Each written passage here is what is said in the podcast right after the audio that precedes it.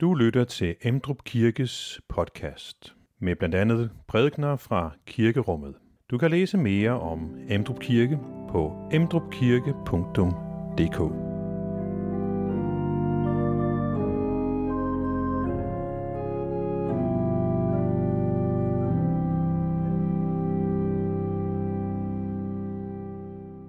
Mit navn er som sagt Hanne Terpligant. Jeg øh, er institutleder i Kristen Pædagogisk Institut. Det har været et års tid. Og øh, vi arbejder med og, øh, med det der, øh, den der sammenhæng mellem kristendom og pædagogik. Og, øh, og fordybe os i det og udruste folk, der arbejder inden for det felt. Og det er en lille organisation, hvor der kun er mig ansat. Så når jeg siger vi, så er det mig og alle dem bag mig. Øhm, men vi har selvfølgelig en hel masse, vi samarbejder med. Før det har jeg været øh, ansat på øh, KFS' ledertræningscenter, altså Kristelig Forbund for Studerendes ledertræningscenter, i 11 år, og jeg har været lærer på det kristne gymnasium i Ringkøbing i et år. Øhm, så jeg har sådan en, en del øh, med mig i bagagen i forhold til at arbejde med unge mennesker. Ja, og familiemæssigt så øh, jeg er gift med Jakob, som er sovnepræst i nærheden af Bilund. Og øh, vi har tre børn, som alle sammen er teenager. Så også på hjemmefronten, der er det øh, de unge, der fylder. Så på en eller anden måde er der jo en personlig øh, optagethed af unge, som nok har fulgt mig i mange år, og som ikke er mindre relevant, når, øh, når det også nu også er mine egne børn, der har den alder. Og så synes jeg øh, ikke, det bliver mindre påtrængende, det her med unge, og hvad der optager dem, og hvad der præger dem, når man så ofte hører at unge mistrives. Altså, og det synes jeg fylder en del øh, i mediebilledet, og egentlig også i blandt dem, man kender. At der er mange unge, som, øh, som har det svært. Ja, så med alt det der i, øh, i bagagen, så vil jeg i dag prøve at tegne et billede af, hvad det er, der præger ungdommen i dag. Og det er klart, at øh, det må blive et meget ufuldstændigt og meget forenklet billede. Øh, sådan vil det være sådan en aften som i aften. Men vi vil prøve at gøre et forsøg og prøve ud fra det at tage sådan øh, nogle tanker med os om, hvordan er det så, vi møder de unge, vi har i vores liv og i vores menighed. Øh, og tænke tanker om, hvad kan det betyde for dem og deres forhold til kirke at være vokset op i den kontekst, de er vokset op i. Hvis vi lige skal kigge på forløbet, så bliver det noget med, at jeg først prøver at komme med sådan lidt analyse eller portræt af ungdomskultur og unges forhold til kirke og tro. Og så efter det, som Mette også sagde, så tager vi lidt snak om, hvordan vi oplever generationsforskelle øh, og de unge her i menigheden. Og så øh, skal vi prøve at snakke lidt om nogle, nogle bud på, hvordan vi mødes mellem generationerne. Og til sidst vil jeg runde af sådan med en lidt mere opmuntrende tone. Øh, de gode nyheder på tværs af generationer. Og det er nok også lidt typisk, at når man har med sådan noget ungdomskultur at gøre, så kan man godt komme til at tale lidt negativt. Det må jeg prøve at høre forbi, fordi der er også en masse positivt. Men øh, det er altid mest interessant at tage fat i udfordringerne. og jeg tror egentlig, det er også relevant. Ja. Lad os kigge på, hvad der præger børn og unge i dag. Man kan sige, at det, det starter på en eller anden måde et sted lang tid før de kommer ind i verden, det der præger dem. Vi er alle sammen præget af en historie og en kultur, som vi er vokset op i. Og noget af det, der er sket i vores øh, samfund hen over de sidste hvad, 50-60 år, det er jo, at, øh, at de strukturer og rammer, der har været for menneskers liv, de er blevet meget mere flydende. Øh, man kalder vores samfund, det er, en, det er der en sociolog, der hedder Sigmund Baumann, der har indført et begreb, der hedder den flydende modernitet. Og det er sådan et begreb, man taler om for ligesom at forklare, hvordan mange strukturer i samfundet har ændret sig, og mange historier, der har skabt ramme for vores liv, ikke længere bliver anset som faste. Og det er jo den sammenhæng, de er kommet ind i verden i, i en flydende, en flydende verden, øh, hvor man ikke bare bliver født ind i, øh, i nogle faste familiemønstre nødvendigvis. Man bliver heller ikke født ind i en, nødvendigvis en social klasse, man regner med, at man skal blive i. Man bliver heller ikke bare født ind i en landsby. altså, der er nogle rammer, som er meget mere brede øh, og meget mere svævende, end de var for, øh, hvad, ja, 50-60 år siden. Ikke? Øh, og som ser anderledes ud for dem, end det gjorde for os. Øh, selvom vores alder også er forskellige, og vores opvækst har været forskellige, så er der sket meget øh, med det her.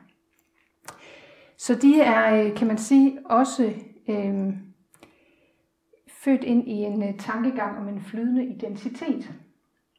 At identiteten er ikke en fastlagt størrelse. Jeg er ikke nødvendigvis bare en person, der hører til i den her familie, eller i den her by, eller i de her rammer.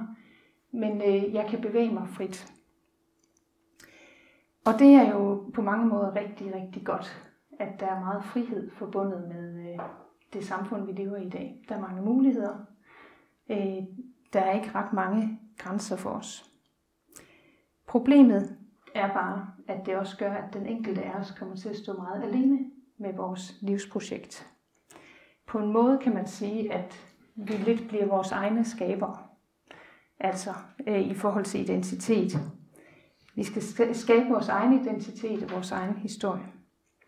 Det præger os alle sammen, tror jeg. Men jeg tænker, at de unge, de er født helt direkte ind i den sammenhæng. Og for eksempel, så tror jeg, det gør sig meget, det bliver meget tydeligt i, øh, i tankerne om køn, som fylder for tiden. At end ikke det, øh, at vi er skabt med to køn, mand eller kvinde, er, er en given størrelse for mange unge længere. Men de får at vide, at det kan man også øh, bevæge sig frit imellem, og selv definere, hvilket køn man vil være. Så frit og så flydende er øh, den virkelighed, øh, de er født ind i og vokset op i. Og derfor kan man sige, at de ligesom lever i en øh, virkelighed, hvor de er skabere af sig selv og af deres egen historie. Sigmund Baumann der, som opfandt eller nævnte begrebet den flydende modernitet først, han har sagt det på en, en meget fin måde, synes jeg. Så I får lige et citat af ham. Han siger, at vi lever derfor i en individualiseret og privatiseret version af moderniteten, hvor individet må væve sine egne mønstre og bære det fulde ansvar for en eventuel fiasko. Altså i en individualiseret version af moderniteten, hvor jeg selv er ansvarlig for at få skabt og vævet min historie, men så også selv har det fulde ansvar for, når det ikke går godt. Det er den øh, virkelighed, de lever i, og vi lever i. En anden side af den sag, det er jo, at øh, når nu vi er født med så stor frihed, så lever vi også i en forventning om, at vi kan blive lige det, vi gerne vil. Det har næsten været et mantra for den øh, generation af unge, der er lige nu. Altså, øh, som de har hørt hele deres barndom igennem Disney-film. Du kan, hvad du vil. Lad alle dine drømme blive til virkelighed. Øh, hvis du vil noget nok, så skal det nok lykkes. Altså hvis man ser på moralerne i Disney-film hen over de sidste 20 år, så er det noget af det, der er blevet øh, banket ind i hovedet på dem. Du kan, hvad du vil. Så der er hverken moralske eller sådan realistiske grænser for, hvad man kan blive til. Hvis du vil det nok, så kan alt lade sig gøre. Det er det, de har hørt altid. Og det, øh, det tænker jeg er ret problematisk af flere grunde. Den ene er, at det er us, usandt. Det er jo ikke rigtigt. Altså, øh, og det, det er så lidt interessant, ikke? at hen over de sidste to, et halvt, tre år, der er det blevet meget, meget tydeligt for os, at der er faktisk vilkår, der kan blive pålagt os, som vi ikke selv styrer. Corona blev sådan omvæltende for os, fordi vi lige pludselig alle sammen blev stanset op af noget, vi ikke selv havde kontrol over. Og krig i Ukraine er jo blevet en, endnu en cementering af, at der er faktorer rundt om os, som har påvirkning på os, som vi faktisk ikke har noget med at gøre. Og det bliver spændende at se, hvad det gør ved de her generationer, der vokser op nu. At det også er blevet en del af deres virkelighedsopfattelse. Jeg tænker, jeg ved ikke om nogen af jer har set øh, Alene i Vildmarken for eksempel. Det har jeg engang set. Eller det ser jeg faktisk, når jeg kan komme til det, synes jeg, det er meget spændende. noget af det, som tit bliver nævnt, når deltagere skal sige, hvorfor de er motiveret for at leve alene i vildmarken i de her tv-programmer, det er, øh, sådan, de vil gerne vise verden, at man kan, hvad man vil. Og især vil de gerne vise deres børn, at øh, mor, hun kan, hun kan, hvad hun vil, og jeres drømme kan blive til virkelighed. Det, der så bare også nogle gange er lidt interessant, det er jo, at så bliver de sendt hjem ved at have skåret sig i hånden, eller øh, ja, komme til skade på en eller anden måde, få ondt i maven, eller et eller andet, så de faktisk bliver nødt til at tage hjem. Og der, øh, der bliver det jo modsagt, at der kan faktisk være ting, der gør, at vi ikke bare selv bestemmer, og det ikke bare har med min vilje at gøre. Så det er, på den, det er for det første usandt, det der med, at du kan, hvad du vil. Og for det andet, så er det også usundt. Altså, øh, jeg tænker, det er et enormt pres, vi lægger på vores unge skuldre, at de skal bære deres eget liv, at de skal bære ansvar for, om, øh, om de kommer til at lykkes, om de fik valgt rigtigt eller forkert, om de fik udnyttet de muligheder, de havde, om de fik fuldt deres hjerte godt nok. For det er jo en anden øh, af de historier, vi fortæller, at man skal følge sit hjerte. Gjorde jeg det godt nok? Og hvis jeg ikke lykkes, så må det være, fordi jeg ikke ville det nok, eller gjorde det godt nok. Jeg, jeg har læst en bog, der hedder Selvbyggerbørn af Mariette Risager, som øh, har været undervisningsminister. Det kan være, nogen af jer også har læst den. Man kan næsten høre på titlen, at, øh, at hun også tænker i de her baner. Og, og undertitlen er, hvordan vi overlod en generation til at opdrage sig selv. Tesen i bogen er altså, at vi ikke har, vi ikke har guidet øh, og, og let og opdraget vores børn nok, men har ladt dem selv bygge sig en identitet og skabe sig selv. Og der er en masse perspektiver i det, men jeg synes faktisk, den er ret interessant ind i det her. Og hun, øh, hun sætter det her på spidsen i et citat, jeg også har lyst til at dele med jer. Hun siger, Samtidig med, at vi fortæller børn og unge, at de kan blive alt mellem himmel og jord, giver vi dem ansvaret for deres egen udvikling i en ekstremt tidlig alder. Det er næsten dømt til at gå galt. Det er et pres, som vil få mange børn til at ryste på hånden eller blive ramt af en eksistentiel usikkerhed på, om de kan klare at gøre det, der forventes af dem. Når den absolute frihed kobles sammen med den absolute, det absolute ansvar, kan korthuset let falde sammen. Læg dertil det spinkle eksistentielle fundament, nutidens unge har fået med sig i arv, og det bliver med et fuldstændig forståeligt, at mange børn bliver usikre på sig selv. Jeg synes virkelig, det er et fint citat. Og noget af det, hun øh, lægger meget vægt på, det er det der med, at de har brug for rødder. At de har brug for et eksistentielt grundlag at vokse ud af. Og det er ikke, fordi hun øh, kommer fra en speciel kirkelig baggrund, men hun sætter flere steder ord på, hvordan de kirkelige og kristne værdier kan være noget af det der rodnet, som giver den noget at stå fast på, så alt ikke skal flyde. Ja, det synes jeg er meget interessant. En anden bog, jeg har, øh, jeg har læst om det her, som, øh, som lige skal have lov at fylde lidt, det er en bog, som, øh, som i det hele taget har været meget sådan talt om, synes jeg, det sidste års tid. Og den hedder Utilstrækkelig af Christian Hjortkær. Den har jeg, jeg har ikke taget nogen af bøgerne med, fordi jeg skulle rejse tog, så nu har jeg bare taget billeder af forsiderne. Øh, så må I lige leve med det. Men den her bog, den, øh, dens undertitel er, Hvorfor den nye moral gør de unge psykisk syge. Og Christian Hjortkær her, han siger, at vi har nogle gange med at sige, at, at unge de ikke har nogen moral. Det passer ikke, siger han. De har bare en anden slags moral, end det vi øh, måske øh, er vant til. Øh, det kommer jeg lige tilbage til og skal forklare, hvad den moral går ud på. Men noget, der ligger i, i hans bog her, det er den her titel utilstrækkelig. Han siger, det er det, der kendetegner ungdommen i dag. Det er ikke, øh, altså det er, at de har en utilstrækkelighedsfølelse, som er noget af det, der ligger bag mistrivselen og det store pres, de føler. At de har meget høje idealer for, hvad de skal opnå hvad de skal blive til, og de føler sig hele tiden utilstrækkelige i det projekt. Så det er ikke skyldfølelse, de kæmper med, men en utilstrækkelighedsfølelse. Øh, ja, lige sådan for en god ordens skyld, Christian Hjortkær, der han er en højskolelærer på Silkeborg Højskole. og filosof og sådan. Øh, og han udgav den her bog for, ja, hvad, halvandet år siden, tror jeg. Og så har altså, jeg har hørt den nævnt rigtig mange gange. Så den er, det, det, er blevet, det var genklang, tror jeg, den her måde at tale om det på. Og jeg tror også, det er fordi, det giver os et begrebsapparat, vi kan handle ud fra, og det vil jeg prøve at forklare om. Fordi han siger, han giver nogle begreber på den her øh, analyse af ungdommen. Han siger, at vi er gået fra en forbudskultur til en påbudskultur. Forbudskulturen var kendetegnet ved rammer og grænser. Øh, man kan sige sådan et, øh, at man vidste, hvad man havde at holde sig indenfor. Og hvis du går over den grænse, så er der, så er der et forbud. Nej, det må du ikke. Det er et forbud. Ikke? Du må ikke gå derhen, eller du må ikke gøre det. Der er en grænse, man kan gå over. Det er forbudskulturen, hvor der er noget, man ikke bør gøre.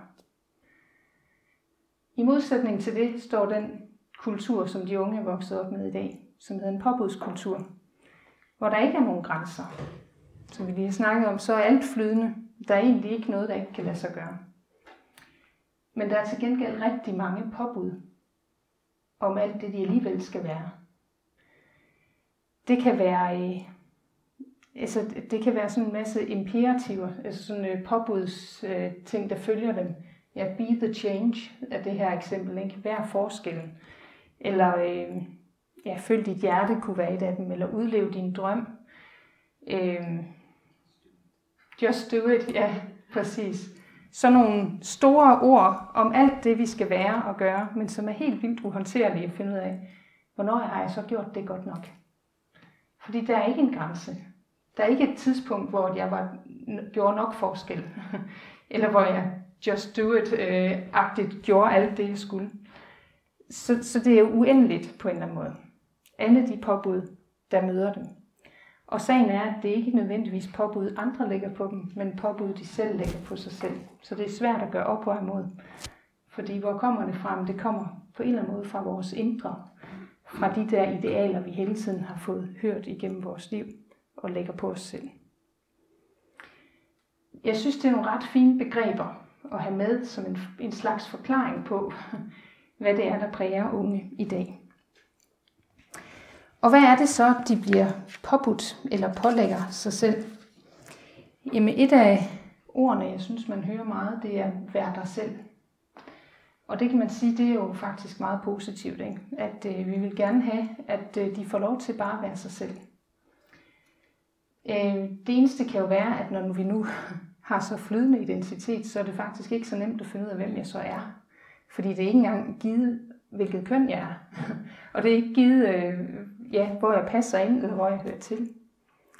Det kan være det ene problem med sådan et påbud, der hedder vær dig selv. Fordi hvordan i alverden er jeg det? Et andet problem kan være, at vi samtidig ikke nødvendigvis bifalder alle måder at være sig selv på lige meget. Øh, noget af det, der også kan ligge i den her, det er sådan en, du skal helst være unik.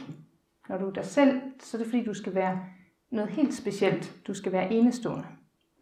Du skal ligesom stikke lidt ud af mængden og shine. Så vær helst øh, vild og anderledes, unik og enestående. Det er den måde, man er rigtigt sig selv på. Og det lægger også et pres på, hvem jeg skal være. Et andet påbud, som vi også giver til vores unge, og som de giver sig selv, det er det her, gør, gør det, du har lyst til. Følg dit hjerte. Og det er jo, øh, på en eller anden måde kan vi jo godt kende os selv i det her. Det er jo ikke kun dem, vi lægger det på, det er også os selv. Altså det er nogle værdier, der ligger i vores samfund, og i, som vi lægger på hinanden og på os selv.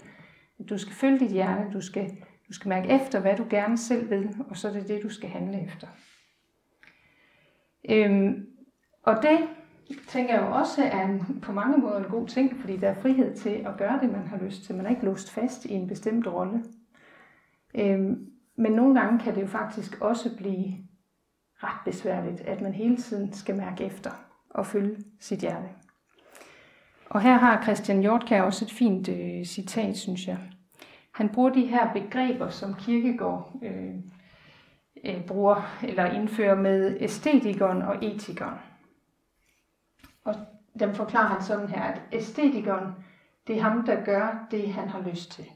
Altså den, der, der lever bare som han vil og oplever. Etikeren er den, der gør det, han har pligt til, altså lever op til noget. Og så siger Christian Hjortkær det her, bruger de her to begreber. De unge er etiske æstetikere. De er fast besluttet på at leve op til noget. Men det, de skal leve op til, det er kravet om at have lyst. Hvor ofte siger vi ikke til de unge, du skal gøre det, du har lyst til. Det er ikke et tilbud, det er en ordre. Du har en etisk forpligtelse til at mærke efter lige præcis, hvad du inderst inde har lyst til. For de voksne er redselslagene for at fremstå autoritære og moralske. Resultatet er, at man bilder de unge ind, at de har total frihed, mens realiteterne er, at kravene bliver stadig større. Du må gøre lige, hvad du vil, så længe du har lyst til det, du vil. Så det at have lyst til noget, og føle sit hjerte, det er på en eller anden måde også blevet sådan et krav, og noget, der kan gøre det endnu mere svært at finde ud af, hvad, hvad er det så, jeg rigtigt vil. Giver det mening, den her snak om påbud og, og de påbud, der, vi trækker frem? Der er selvfølgelig masse flere påbud, man kunne, man kunne nævne, men det er nogle af dem, jeg synes egentlig er ret grundlæggende. Og som jeg også kan mærke i mig selv, at jeg, øh, at jeg ikke kan lade være med at tage på mig øh, på en eller anden måde. Så det handler altså ikke kun om de unge, men om nogle værdier, jeg tror er blevet ret indgået i mange af os. Ja. Det er så også vigtigt for mig at sige, at oveni det her, som kan være svært, og mistrivsel og pressede unge og alt det her, så vi også gør med en generation, som er meget reflekterende og meget ansvarsbevidste. Og det er måske lidt op det her, de vil faktisk gerne gøre det rigtigt. Øh, de ved bare ikke, hvad det så er. Så vi har at gøre med en generation af unge, som faktisk gerne vil gøre det godt og ansvarsbevidste og initiativrige. Altså, øh, jeg tænkte, jeg snakkede lige med min familie om det for nylig, det der med, at unge mænd på 20, de starter firmaer og, og gør bare noget, ikke? som var helt utænkeligt, da jeg var 20. Fordi man kan få alt muligt til at ske. Og der er rigtig meget initiativ og drivkraft i den her ungdomsgeneration, som også er vigtigt at, at have for øje og have, have respekt for. Ja. Godt, hvis vi skal prøve sådan at tage det her, den her analyseagtige, øh, den her analyse af de unge med os ind i en tænk, tankegang om, jamen hvad betyder det så for deres forhold til tro og kirke? Så får jeg øje på nogle forskellige ting, og jeg tænker, at I, I, kan bare, I må tænke med, og vi kan snakke lidt videre om det senere. Men hvis jeg lige skal nævne nogle af de ting, jeg, øh, jeg tænker, det har konsekvenser for deres forhold til kirke og tro, så er det blandt andet det her med autenticitet eller ægthed. Man skal være tro mod sig selv. Det hænger sammen med det der med at være sig selv og følge sit hjerte. Ikke? Det har jo en betydning for, hvad de tænker om tro og om kirke. For eksempel, så tror jeg ikke, at øh, der er ret mange unge, eller det er der nogen, men der, de fleste unge har ikke nogen automatik med at komme i kirke. Øh, fordi vi skal jo hele tiden gøre det, vi selv føler er rigtigt. Øhm, så det der med at komme bare fordi, at det er opdraget til, eller komme bare fordi, at nu er det søndag, og det gør man, det giver ikke mening for dem. Så, så på en eller anden måde, så er der noget af det der med ægtheden, og så traditioner, som godt kan clashe lidt, tænker jeg. Og det kan være øh, en af grundene til, at det nogle gange kan være lidt sværere at, at få de unge med i kirke. At, at traditionen og reglen om, at det gør vi jo, den, er, den, den køber de ikke. For det er ikke det, de er opdraget til sådan af samfundet. Måske heller ikke os.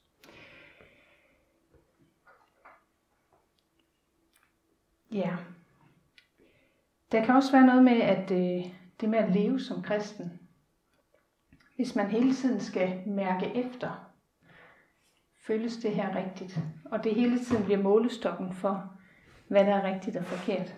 så kan der godt være ting sådan i levevis og, og kristen etik, som bliver svært at forholde sig til, fordi man ikke selv forstår det, eller selv har fået det ind under huden. Hvorfor var det her vigtigt? Så der bliver noget i den der ægthed og følelsen af ægthed, som clasher lidt med øh, ja, både øh, ja, med, med det kristne liv på en eller anden måde. Det kan det komme til. Og samtidig så vil jeg jo sige, netop den her generation af unge, som er ansvarsbevidste og har masser af drivkraft og engagement, hvis de mærker pointen, hvis de selv har fanget det, hvorfor det her det er vigtigt, så tror jeg faktisk også, at det er nogle unge, der virkelig vil være dedikeret. Øhm, så man, vi skal ikke blive bange for, at de aldrig nogensinde vil engagere sig. Men de skal, have det, de skal, de skal forstå det selv, hvorfor skal jeg være engageret i det her. Og det kan nogle gange øh, i vores kultur og i vores tid handle om, øh, at vi som kirke også tager et socialt ansvar på os. Eller at vi tager miljøansvar på os. For det er nogle ting, der fylder for unge. At vi vil gøre en forskel i verden. Og jeg tror, at unge længes efter ægthed og fællesskab. Og hvis de mærker, at det findes i kirken, så vil det også være noget, de reagerer positivt på. Så, så den der ægthed, autenticitet, den er vigtig. Det er en ret vigtig værdi for dem, som både kan blive en udfordring, men som også kan blive en styrke. En anden ting, som, øh, som jeg tænker, det har betydning for forholdet til kirke, det er, at i en generation, hvor man lægger meget vægt på, at man skal lov at være sig selv, så giver man jo også plads til forskellige tro. Og det, øh, det synes jeg godt, man kan mærke, at tro er en legitim ting i vores ungdomskultur. Øh, der er faktisk plads til, at man kan være et troende menneske. Min døtre oplever det på gymnasiet. Der er meget respekt omkring dem som kristne, og folk kan nogle gange sige, ej, jeg gad også godt være vokset op i sådan en kristen familie. Altså, der er plads til tro, der er plads til at snakke om det. Øh, fordi det er okay. Øh, det, er jo, det er jo sådan, du er, og, og der skal være rummelighed i alle fællesskaber. Det er et ret vigtigt, øh, en vigtig værdi for dem. Men samtidig så er det jo også en individualisering af tro, ikke? at øh, det er godt nok godt for dig, at du er kristen, men det er ikke en universel sandhed, vi alle sammen skal tage på os. Så det er sådan en øh, tolerant øh, generation, som har meget få grænser, og som har svært ved nødvendigvis at forstå grænserne, for de er ikke vokset op i den der forbudskultur, hvor det giver mening. Derfor tror jeg godt, de kan blive lidt skræmt væk, hvis de oplever, at der ikke er plads til alle i kirken. At der ikke er plads til at være sig selv. Øh, og det tænker jeg også godt kan være en udfordring. Hvordan har vi rummelighed i kirken, samtidig med, at der faktisk er noget, der hedder en universel sandhed, og noget, vi tror er sandt for alle. Og det hænger lidt sammen med den, den næste, som egentlig bare er et spørgsmål. Det er ikke noget, jeg har... Jo, vi, kan, vi kommer til at snakke lidt mere om det, men, men det er jo en udfordring for os. Hvordan taler vi i et forståeligt sprog om en grænsesættende etik? Altså om de ting, hvor vi også gerne vil sætte grænser i vores liv øh, og i en kristen levevis. Hvordan kan vi overhovedet trænge igennem med noget, der er forståeligt for unge på det område? Og den sidste ting, jeg har lyst til at trække frem, det er, at de er en generation, der er vant til at blive hørt. Altså, de er jo virkelig vant til at blive spurgt, hvad har du lyst til? Gør det, du synes er rigtigt. Og hvis det er det, de er vant til at skulle navigere efter, så er det jo mærkeligt at komme ind i en kirke, hvor man aldrig bliver spurgt om, hvordan de synes, det skulle fungere, eller hvad de synes er vigtigt. Bliver de hørt i kirken? Hører vi, hvad det er, de synes er vigtigt at have med i vores kirke? Det tror jeg er et ret væsentligt øh, udgangspunkt, at det er også et sted, hvor vi hører det. For det, det forudsætter det faktisk. Og jeg tænker ikke, at det er noget problem. Jeg tænker ikke, at det er noget negativt at de er blevet vant til at blive hørt. Det tænker jeg er positivt. Yes. Nu skal vi øh, lige have lidt snak om det her. Og øh, jeg tænker, at vi lige starter med at snakke lige ved bordene, som I sidder. Fordi så kan man lige selv komme ind i samtalen eller sådan og øh, tankerne, og så kan vi øh, lige samle lidt op på det bagefter. Og det, jeg synes kunne være interessant at snakke om her, det er sådan lige jeres oplevelse af det her. For at blive sådan helt konkrete på, hvordan er, er det her relevant ind i jeres øh, virkelighed. Det kan både være i jeres menighed, men også i forhold til unge i, i ellers møder. Så hvordan oplever I generationsforskellene i jeres menighed? Eller i jeres relationer til unge? Og lige et par hjælpespørgsmål. Hvilke udfordringer ser I, og hvilke muligheder ser I? Det er det første spørgsmål, der ligesom er det overordnede. Så hvis det er nok for jer, så bare bliv der. og så snakker jeg i bare sådan 4-5 minutter, og så, øh, så vil jeg gerne høre nogle input bagefter, så vi lige kan, kan tage den lidt sammen også, inden vi går videre. Er I med på det? Yes. Ja, jeg regner med, at I bare lige selv finder nogle måder at sidde på.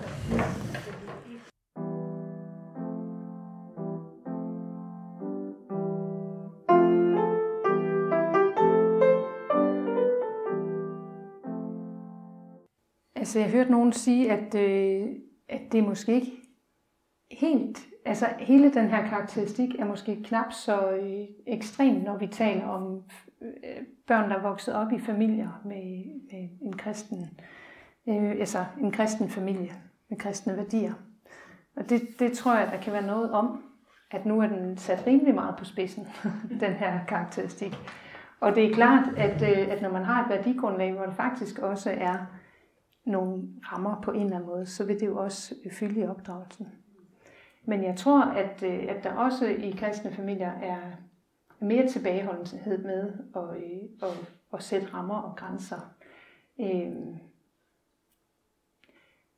ja, jeg snakkede med nogen om det, som, som sagde, men jeg, at de, da deres børn var små, og det kan jeg egentlig godt selv huske fra da mine børn var små, så hørte vi meget, at man må ikke sige nej til børn, og det var sådan en vigtig del af opdragelsen, man skulle huske at sige, hvad de gerne måtte, men ikke hvad de ikke måtte. Og, øh, og jeg tror, det, det er rigtigt nok, at det, det var der også nogle gode grunde til. Men, det, men måske ligger det lidt i vores måde at tænke om det at være forældre. Vi skal ikke sige nej. Vi skal hele tiden vise dem andre muligheder. Og på en eller anden måde, så er det jo næsten helt tydeligt fra forbud til påbud. Ikke? Ja. Så, ja, så jeg tror, det, det ligger i vores øh, tid også, også øh, selvom vi har rammer for vores liv. Ja, men, men i forhold til menighed, ser I øh, nogle udfordringer der?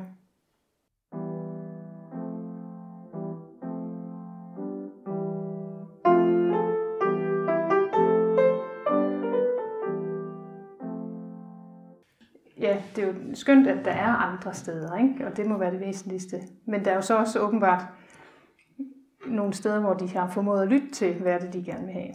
Ja. Så, øh. Men det, altså en, en anden udfordring i det, det er jo, og det skal vi snakke videre om nu her, det er det der med, at generationerne ikke nødvendigvis mødes, og, øh, og vi ikke lærer af hinanden, hvis vi isolerer unge, fordi det der, det er fedt for dem at være, så, så går de jo faktisk glip af en hel masse levet liv og erfaringer fra, fra flere generationer. Men vi kan også blive så vant til, at det skal være på en bestemt måde, at vi kan have svært ved at finde ind i en menighed andre steder. Hvis vi for eksempel, nu uh, bor jeg selv på landet, ikke, og kommer i et lille indre missions, missionshus der. Uh, der er så mange unge familier der også, men, men jeg kunne godt forestille mig, at man kunne have svært ved at falde til sådan et sted, hvis man var vant til, at, at der skulle være meget gang i den, og det skulle føles øh, ligesom det, jeg gerne vil have. Øhm, så der er nogle udfordringer i det der, som jeg ikke, vi bare lige løser, men som jeg gerne vil adressere lidt mere. Øhm, for det første, så lige det der med generationer, som det jo egentlig handler om i dag, skal vi snakke lidt videre om. Så nu lukker vi lige samtalen her for nu. Fordi, og det var egentlig en, en god overgang til det, som du nævner der, at jeg tror faktisk, de unge har brug for øh, voksne og brug for at møde flere generationer, selvom øh, det ikke altid er det, de udtrykker, lige med deres valg af menighed for eksempel. Øh, jeg tror faktisk, at de unge virkelig ønsker fællesskab, og de søger det meget med hinanden, Men jeg tror også, at de gerne vil have fællesskab med andre generationer. At de søger sparring, og de søger ikke at stå alene med deres liv. Altså det, de har faktisk ikke lyst til at skulle stå alene med ansvaret for deres liv. Og derfor er vi vigtige for dem. Og derfor er generationerne i menigheden vigtige for dem. De har simpelthen behov for voksne. Jeg synes, jeg oplevede det rimelig tydeligt, da jeg var lærer på, på øh, ledetræningscenteret der. Jeg var der i 11 år, og jeg, jeg mærkede, at de første år øh, blev der ikke efterspurgt lige så mange sådan, lige så meget vejledning og, og guidelines for, hvordan gør vi det her, eller hvordan, ja, hvordan skal vi gribe det her an. Der, de spurgte ikke om lige så meget sparring, som de gjorde de sidste år. Så selvom det er en kort periode på 11 år, så synes jeg, jeg så en udvikling i, hvor meget de efterspurgte øh, vores tilstedeværelse og vores øh, ja, vejledning ind i de opgaver og i det liv, de stod i. Det synes jeg er interessant, at, at det blev det voksede hen over de år. Unge søger faktisk mere sparring med voksne, end jeg gjorde, da jeg var ung.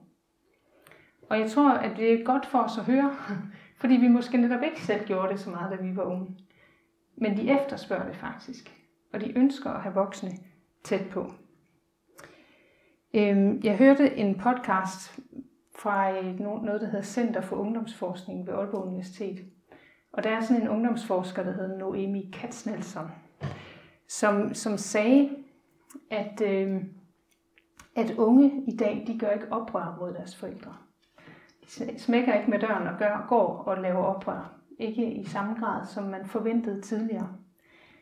I dag, der øh, vil unge, de vil gerne være selvstændige, men de går ind i voksenlivet og i den proces med en forventning om, at deres forældre er der som sparringspartnere.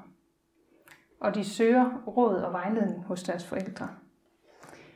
Og de reflekterer over de skridt, de tager, og gerne sammen med deres forældre eller andre voksne. Øh, voksenlivet kommer nok også senere, så det er en længere proces. Men, men de gør faktisk ikke på samme måde oprør mod de voksne.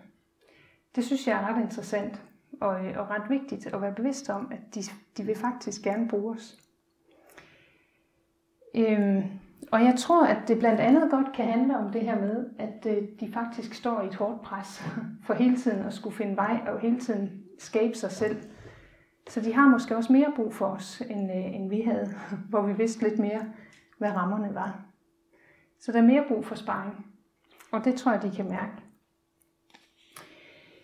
Og så er der det, at, øh, at venner, det kan godt blive sådan en meget horisontal relation, kan man sige, ikke? hvor man har det samme erfaringsgrundlag.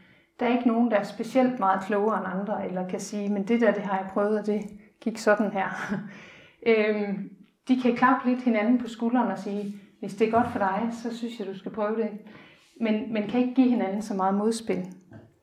Øh, og der, øh, der tror jeg faktisk, de også har brug for sådan lidt mere vertikal øh, relation til nogle voksne, der står et andet sted, end de gør, og kan give noget modspil.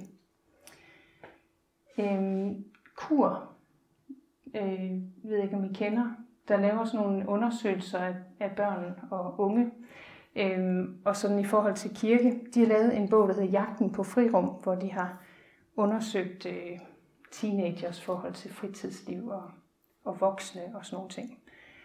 Og i den, der, der siger de, at børn og unge faktisk meget efterspørger den der horisont, eller hvad er det, den der relation til nogen, der er ældre, som kan give modspil. Og jeg har lyst til lige at give et citat fra den bog, som er sådan lidt konklusionen på unges forhold til, til voksne. En voksende gruppe af unge ser ud til at skulle håndtere en dannende og særdeles udfordrende periode i deres liv med input fra forældre, som primært holder sig til samtaler om trygge emner – og venner, som er lige så spørgende som dem selv. Det lyder ikke som noget helt enkelt projekt. Det er i hvert fald et projekt, hvor det måske en gang imellem kunne være godt at møde nogle sekundære voksne, som man kan spille bold op af og med. Og der skal ikke så meget til. Initiativet og dybden i en samtale er den voksnes ansvar.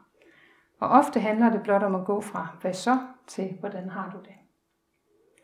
Så konklusionen for dem er, at børn og unge de faktisk har brug for at vi, øh, at møde voksne, der ikke kun holder sig til de trygge, lette emner, men også nogle gange spørger lidt i dybden og spørger til dem. Og det kan sagtens netop være sekundære voksne, altså ikke nødvendigvis deres forældre.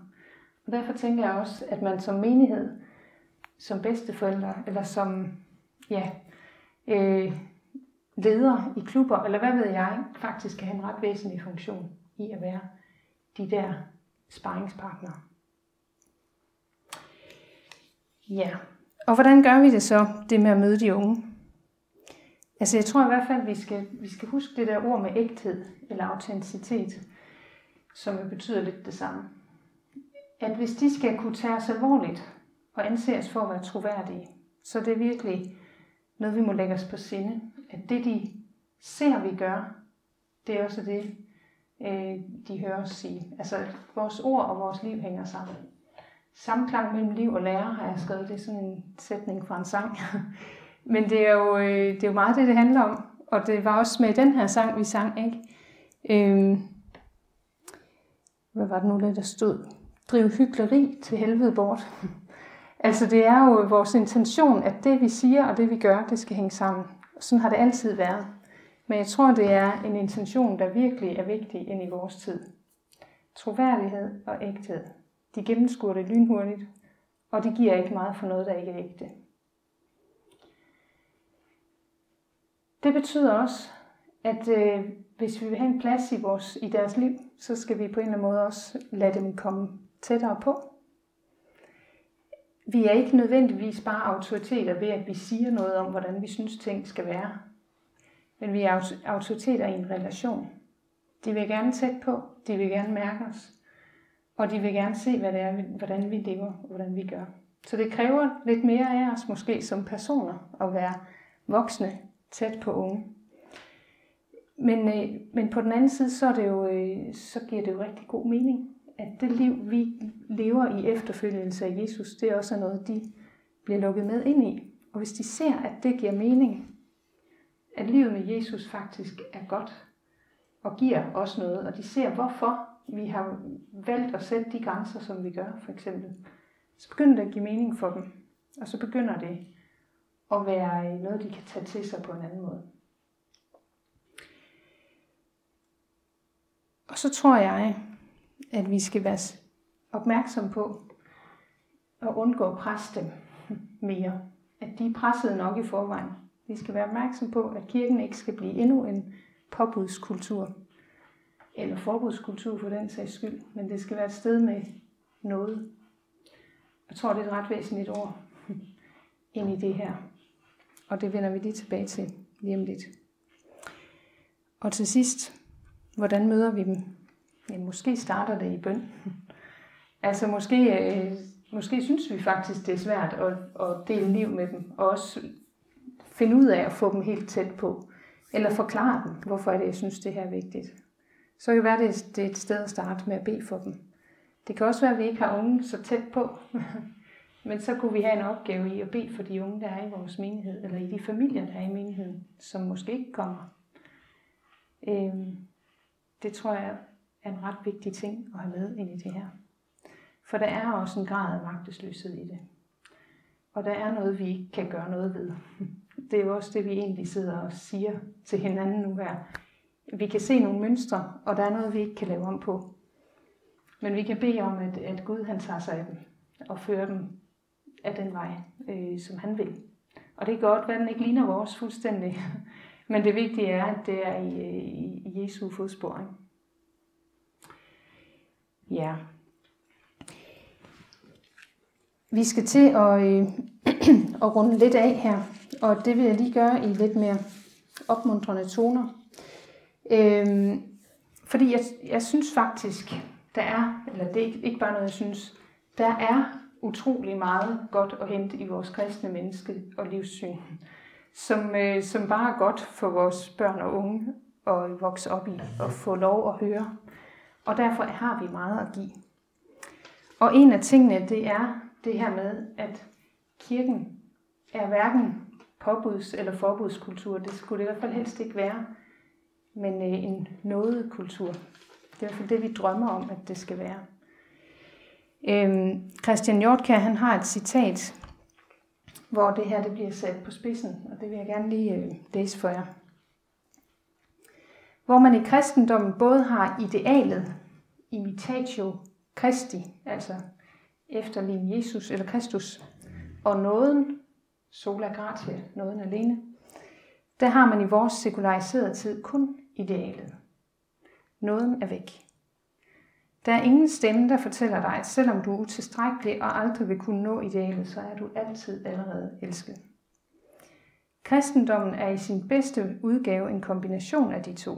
En stærk etisk forpligtelse på at leve op til idealet, og en barmhjertig og kærlig eftergivelse af den utilstrækkelighed, som idealet uundgåeligt afføder. Det synes jeg er et ret fint samlende citat, som virkelig viser, at, øh, at kristendommen i sin essens er noget andet end, end både forbuds- og påbudskultur, men en, en nådekultur. Og det er den, vi kan trives og vokse i, i alle generationer. Og så er vores øh, udfordring, hvordan skaber vi nådekultur i vores kirker, i vores hjem, i vores fællesskaber. Og det tror jeg ikke, vi bare lige bliver færdige med. Men det tror jeg, de vil kunne mærke. Og den anden ting, jeg har lyst til at sige her til sidst, det er, at de gode nyheder for alle generationer handler om personen Jesus og efterfølgelsen af ham. Det er jo ham, vores tro handler om, og ikke traditioner og ritualer og, og regler, men en relation til en person. Og det tror jeg faktisk taler meget godt ind i vores tid at kristendommen handler om en relation. Og det er noget, de unge de kan forholde sig til. For det første så betyder det, at de ikke er alene om deres livsprojekt. At de lever sammen med ham, som, øh, som tager ansvar for dem, som har skabt dem. De er ikke selv skabere. Øh, og som har, har givet alt for dem. Og det betyder jo, at øh, i relationen til ham, så lever vi jo sammen med ham som har opnået alle idealer, som har levet op til, ja, til alle påbud og idealer, og allerede har gjort det hele godt nok. Og hvis det er vores grundlag, så er det godt nok. Så det er ikke bare sådan en uendelig, jeg, jeg bliver aldrig god nok, eller det kan aldrig gøres godt nok. Men Jesus har gjort det godt nok en gang for alle. Sikken frihed og tryghed at, at vokse og leve i. Og ind i det, så kommer der et efterfølgelsesliv med Jesus. Og jeg tror egentlig, det er der, det er sådan, man må tænke om de der grænser og rammer og det kristne liv. Det handler om, om efterfølgelse af en person. Og hvis vi får vist vores børn og unge, hvem han er, så de får tillid til ham, så begynder øh, grænserne og retningslinjerne også at give mening for dem. Fordi det er ham, der siger det og hans stemme tør de at, at stole på. Og derfor er det egentlig der, jeg har lyst til at slutte, fordi det er, det er ham, vi må pege på. Ikke? Det er tilliden til ham, der skal skabes. Og så, øh, så, håber, så må hans stemme ligesom være, være den, der taler øh, til dem om, hvordan de skal leve deres liv. Ja. Øhm, jeg tænker, det der, jeg lige vil vil slutte nu, så kan vi lige snakke videre om det lige om lidt. Men først tror jeg lige ved, ved benbøn. Jesus, tak for, at øh, det er dig, det handler om. Og tak, at du har gjort nok. Tak for den ro, det giver ind i vores liv og i vores unges liv, at øh, det er fuldbragt. Vi beder om, at du vil hjælpe os til at formidle det til dem, formidle din kærlighed og noget til dem. Også øh, være mennesker, som tør lukke dem ind i vores liv og vores efterfølgelse af dig. Også med de fejl og mangler, vi har. Og vi beder dig om, at du vil skabe efterfølgere i, i de nye generationer. Tak, at du gør det værk. Amen. Find flere podcast og læs mere på emdrupkirke.dk